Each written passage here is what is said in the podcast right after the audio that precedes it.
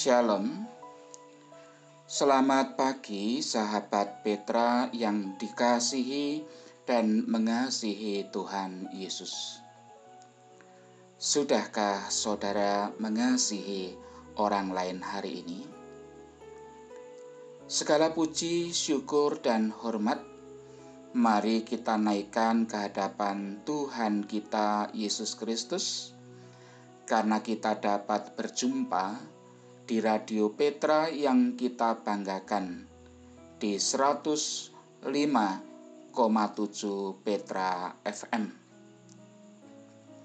Pada embun pagi hari ini, Senin 17 Mei 2021, kita kembali bersama akan membuka hari dengan mendengarkan dan merenungkan sabda Tuhan.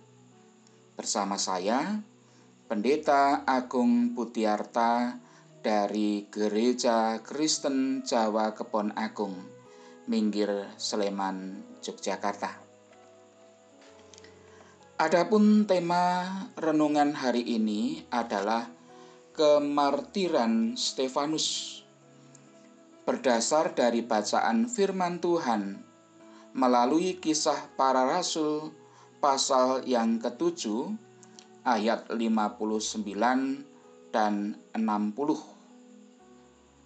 Sebelum kita mendengarkan firman Tuhan, kita akan memohon penyertaan Tuhan di dalam doa. Mari kita berdoa. Tuhan Allah Bapa kami yang Maha Kasih, yang Maha Murah, Engkau yang bertahta di dalam kerajaan surga.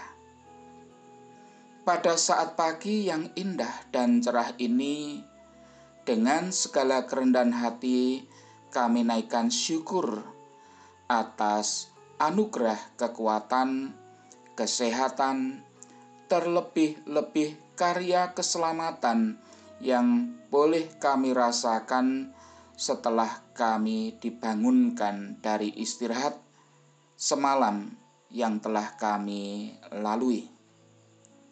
Ya Bapa di surga, sebelum kami memulai segala rencana dan aktivitas kami pada hari ini, kami akan mendengarkan dan merenungkan sabdamu.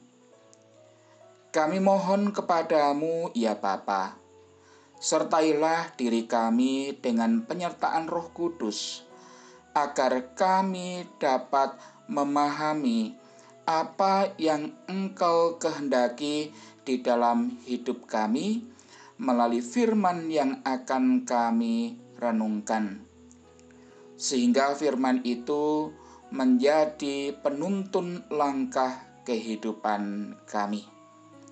Ampunkan segala dosa yang ada di dalam kehidupan kami, sehingga kami layak untuk mendengarkan kebenaran sabdamu di dalam nama Putramu Yesus Kristus, kami berdoa dan memohon. Amin.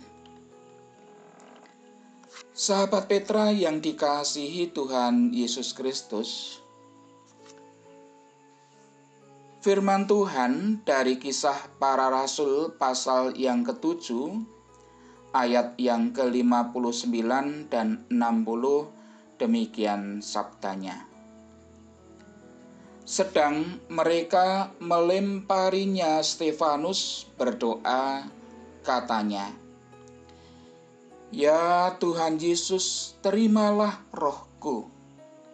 Sambil berlutut ia berseru dengan suara nyaring, Tuhan, janganlah tanggungkan dosa ini kepada mereka, dan dengan perkataan itu ia meninggalkan ia.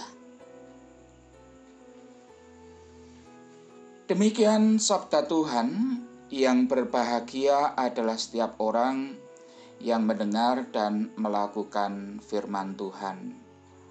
Haleluya.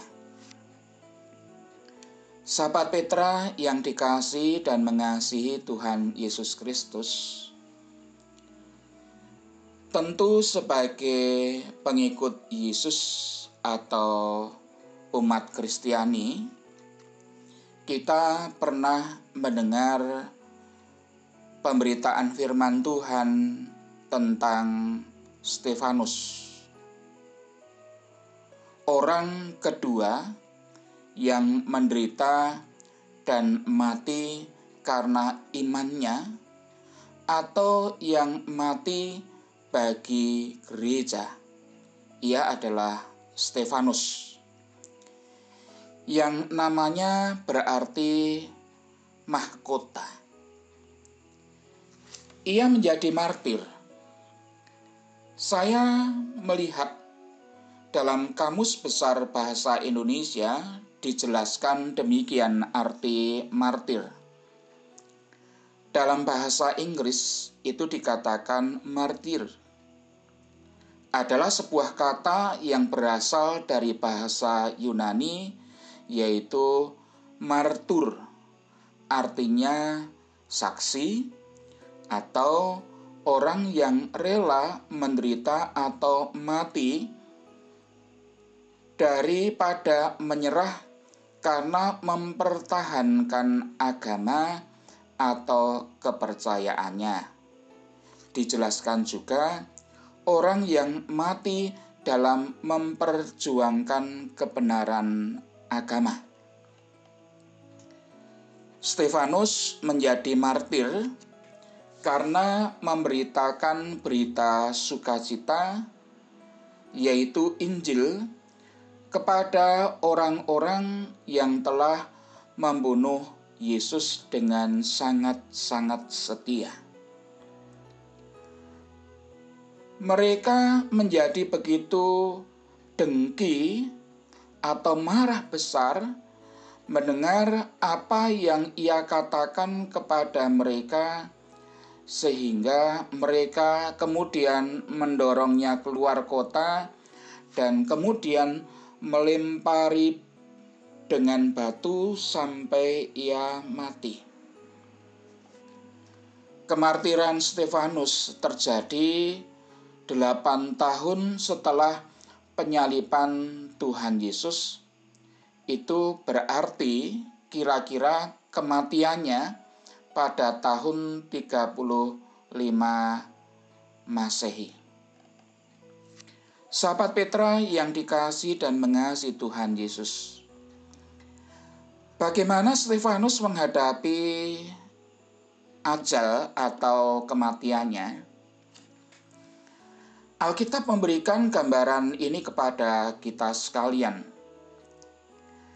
Ketika Stefanus menghadapi penganiayaan dan penderitaan di dalam hidupnya, Stefanus melakukan dua hal yang penting. Yang pertama, ia berdoa kepada Yesus Kristus dengan katanya, Ya Tuhan Yesus, terimalah rohku di ayat yang ke-59. Yang kedua, ia memberikan kata-kata pengampunan kepada mereka semua. Tuhan, janganlah tanggungkan dosa ini kepada mereka. Itu di ayat yang ke-60. Dari ayat-ayat ini, kita dapat belajar bahwa Stefanus melakukan suatu hal yang sangat luar biasa untuk mempertahankan imannya kepada Yesus. Ia memperlihatkan tentang nilai-nilai kesabaran. Ia memperlihatkan tentang nilai-nilai ketekunan di dalam menghadapi penganiayaan dan penderitaan dari orang-orang yang memusuhinya. Di saat orang-orang berteriak dengan keras, marah, dan kemudian melemparkan puluhan, mungkin juga banyak batu kepada Stefanus. Ia tidak marah atau kemudian melawan mereka.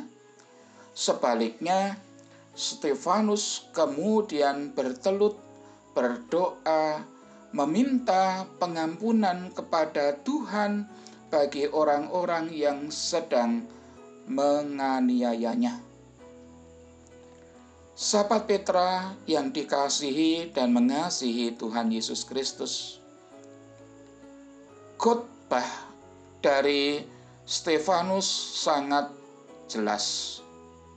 Apa adanya dan memang benar dan itu sangat melukai atau menusuk hati banyak orang yang mendengarnya. Karena di situ dinyatakan sebagai sebuah pelampiasan kasih, bukan pelampiasan amarah. Mengasihi kepada sesama dengan tujuan agar mereka itu mau mendengar, mau melakukan, dan juga mau mengakui kesalahannya atau bertobat di dalam hidup mereka bermuara pada doa permohonan agar mereka itu diampuni. Dan memang inilah yang kemudian diteladankan oleh Yesus Kristus sendiri.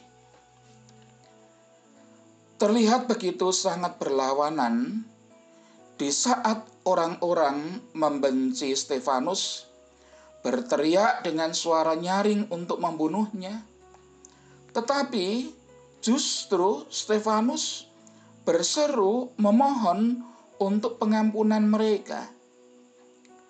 Dan salah satu jawaban doa Stefanus saat itu adalah Tuhan mau mengampuni Saulus atau kemudian yang disebut dengan Paulus dan mau kemudian memakai Saulus atau Paulus untuk berjuang memberitakan kebenaran Injil lebih luas lagi. Intinya saudara-saudara bahwa kematian Stefanus tidaklah sia-sia. Karena kematian Stefanus itu justru sangat mengharumkan kehidupan imannya, iman yang dilimputi oleh kemenangan tidak akan pernah sia-sia. Ini sebagai sebuah pembelajaran atau pelajaran yang sangat berarti, sangat dalam bagi kita, karena apabila kesaksian itu, itu ditolak, kita tentu tidak perlu marah atau kemudian membenci, mendendam kepada mereka. Sebaliknya, kita kemudian diminta untuk berdoa kepada orang-orang tersebut. Jika karena kesaksian yang kita sampaikan, kita mendapat perbuatan yang tidak mengenakkan atau menyenangkan, bahkan kemudian sampai kepada penganiayaan, kita dapat belajar seperti Stefanus, belajar untuk mengampuni orang-orang. Stefanus mau dan mampu untuk kemudian memberikan nilai-nilai pengampunan kepada orang-orang yang menganiaya dirinya. Ia berdoa memohonkan pengampunan bagi mereka. Kenapa ini bisa terjadi? Dikarenakan pandangannya tidak hanya ditujukan kepada kesalahan orang-orang lain terhadapnya, melainkan kepada Allah Bapa dan Tuhan Yesus yang sudah mengasihinya. Saat itu kasih Kristus memenuhi hatinya. Ajaran dari Kristus menguasai pikirannya dan teladan-teladan pengampunan Kristus mengarahkan tindakan di dalam kehidupannya. Inilah yang kemudian menjadi sebab kenapa Stefanus bisa memberikan pengampunan kepada orang lain. Sahabat Petra yang dikasih dan mengasihi Tuhan Yesus Kristus. Seringkali kita mendengar kata mengampuni. Memang mengampuni seseorang itu tidaklah mudah bagi kita. Apabila perbuatan orang tersebut tidak hanya menyakiti di dalam kehidupan kita, tetapi kemudian menginjak harga diri kita. Kita dapat belajar dari Stefanus. Jangan kemudian mengarahkan pandangan kepada orang-orang yang bersalah serta kesalahan mereka, melainkan kemudian mengarahkan pandangan kepada Tuhan Yesus Kristus yang mau mengasihi dan mengampuni. Dari hal ini, kita kemudian dapat merasakan atau kemudian dimampukan untuk kemudian memberikan pengampunan kepada orang lain. Setia, taat di dalam kehidupan kita adalah kerinduan Allah kepada setiap orang yang sungguh-sungguh percaya kepadanya. Namun demikian, ada kalanya memang manusia mengabaikan ketaatan kepada Tuhan di saat diperhadapkan pada tantangan atau konsekuensi di dalam kehidupan yang berat. Ketaatan memang harus teruji. Ketaatan memang harus diperjuangkan di dalam kehidupan kita setiap saat sebagai anak-anak Tuhan. Sebab keinginan-keinginan manusia untuk menjadi taat memang selalu diperhadapkan dengan tantangan atau godaan untuk tidak taat di dalam kehidupan kita ini. Tantangan atau konsekuensi yang berat yang dihadapi setiap orang percaya sudah ada sejak zaman gereja pada mula-mula, dan hal itu dapat kita lihat dapat kita pelajari di dalam pengalaman kehidupan sebagai hamba Tuhan, yaitu Stefanus. Stefanus, saudara, salah satu dari tujuh orang yang memang dipilih dari antara anggota jemaat, tampil sebagai seorang yang tidak hanya melayankan kasih tetapi juga sebagai seorang yang kemudian memberitakan Injil yang sangat taat. Stefanus sangat memahami sejarah penyelamatan Allah dengan baik, sehingga ketika dia menyampaikan kebenaran firman Tuhan atau berkhotbah, dan kemudian dapat menjawab tuduhan dari orang-orang Yahudi dan para Sanhedrin, ia kemudian mendasarkan fakta-fakta itu di dalam kebenaran. Akibatnya tidak ada orang yang kemudian dapat melawan apa yang dinyatakan oleh Stefanus.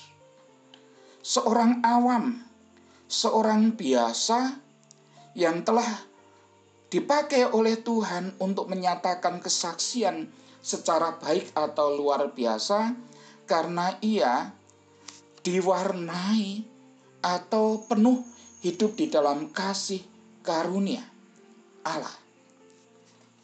Stefanus bersaksi sampai ia dikatakan mati atau martir seperti yang kemudian dialami oleh Yesus Kristus sendiri. Sahabat Petra yang dikasih Tuhan Yesus Kristus, ketaatan dan kesetiaan sampai akhir yang diwujud nyatakan dalam kehidupan Stefanus semakin dipertegas dan dikuatkan Allah sendiri ketika kemudian Allah menampakkan diri di dalam kemuliaannya kepada Stefanus dan ketika seorang memiliki ketaatan yang utuh, maka sekalipun harus menghadapi kematian, pasti ia akan dimampukan untuk menjalani, bahkan ia bisa mengampuni orang-orang yang bersalah kepadanya. Ini bisa kita rasakan bagaimana kemudian Stefanus karena meneladan di dalam kehidupan imannya kepada Yesus Kristus. Tantangan iman apa yang kita hadapi pada waktu sekarang ini? Adakah kita tetap setia dan taat kepada Allah, atau mungkin malah sebaliknya, mulai mundur karena melihat terlalu besar persoalan, terlalu besar tantangan, atau konsekuensi yang harus kemudian kita hadapi. Apakah kemudian kita merasa tidak sanggup dan kemudian ingin menyerah di tengah jalan Tuhan ini? Kita harus mengingat, saudara, bahwa Allah itu senantiasa menyatakan kehadirannya kepada kita dalam segala tantangan kehidupan iman kita setiap saat. Tuhan menghendaki agar kita tetap taat agar kita tetap setia, sekalipun mungkin banyak atau teramat banyak dan teramat berat tantangan yang harus kita hadapi. Karena memang tantangan yang kita hadapi sekarang ini beda dengan tantangan yang dialami oleh jemaat mula-mula pada waktu itu yang terjadi dalam kehidupan Stefanus. Jangan lupa untuk kemudian tetap berpegang, untuk tetap bergantung, menyandarkan hidup kita kepada penyertaan dan juga di dalam kekuatan Allah. Oleh karena itu, mari kita berserah kepada Allah di dalam segenap kehidupan kita, agar kemudian kita dimampukan untuk menghadapi, melewati tantangan-tantangan iman dalam konteks kehidupan sekarang ini dengan penuh kemenangan sehingga pada akhirnya mahkota kehidupan yang Allah sediakan boleh kita raih di dalam kehidupan kita kelak. Kiranya Tuhan mengasihi dan memberkati kita sekalian. Amin. Sahabat Petra yang dikasih Tuhan Yesus, kita sudah mendengarkan dan merenungkan sabda Tuhan. Kita kembali berdoa. Ya Allah Bapa kami yang ada di surga, terima kasih buat kasih setiamu sepanjang hidup kami yang boleh kami rasakan. Terima kasih atas firman yang sudah kami dengarkan dan kami renungkan pada pagi hari ini. Biarlah firman itu tertanam di dalam hati kami dan menguatkan kami dalam menjalankan kehidupan kami hari lepas hari terkhusus pada hari ini.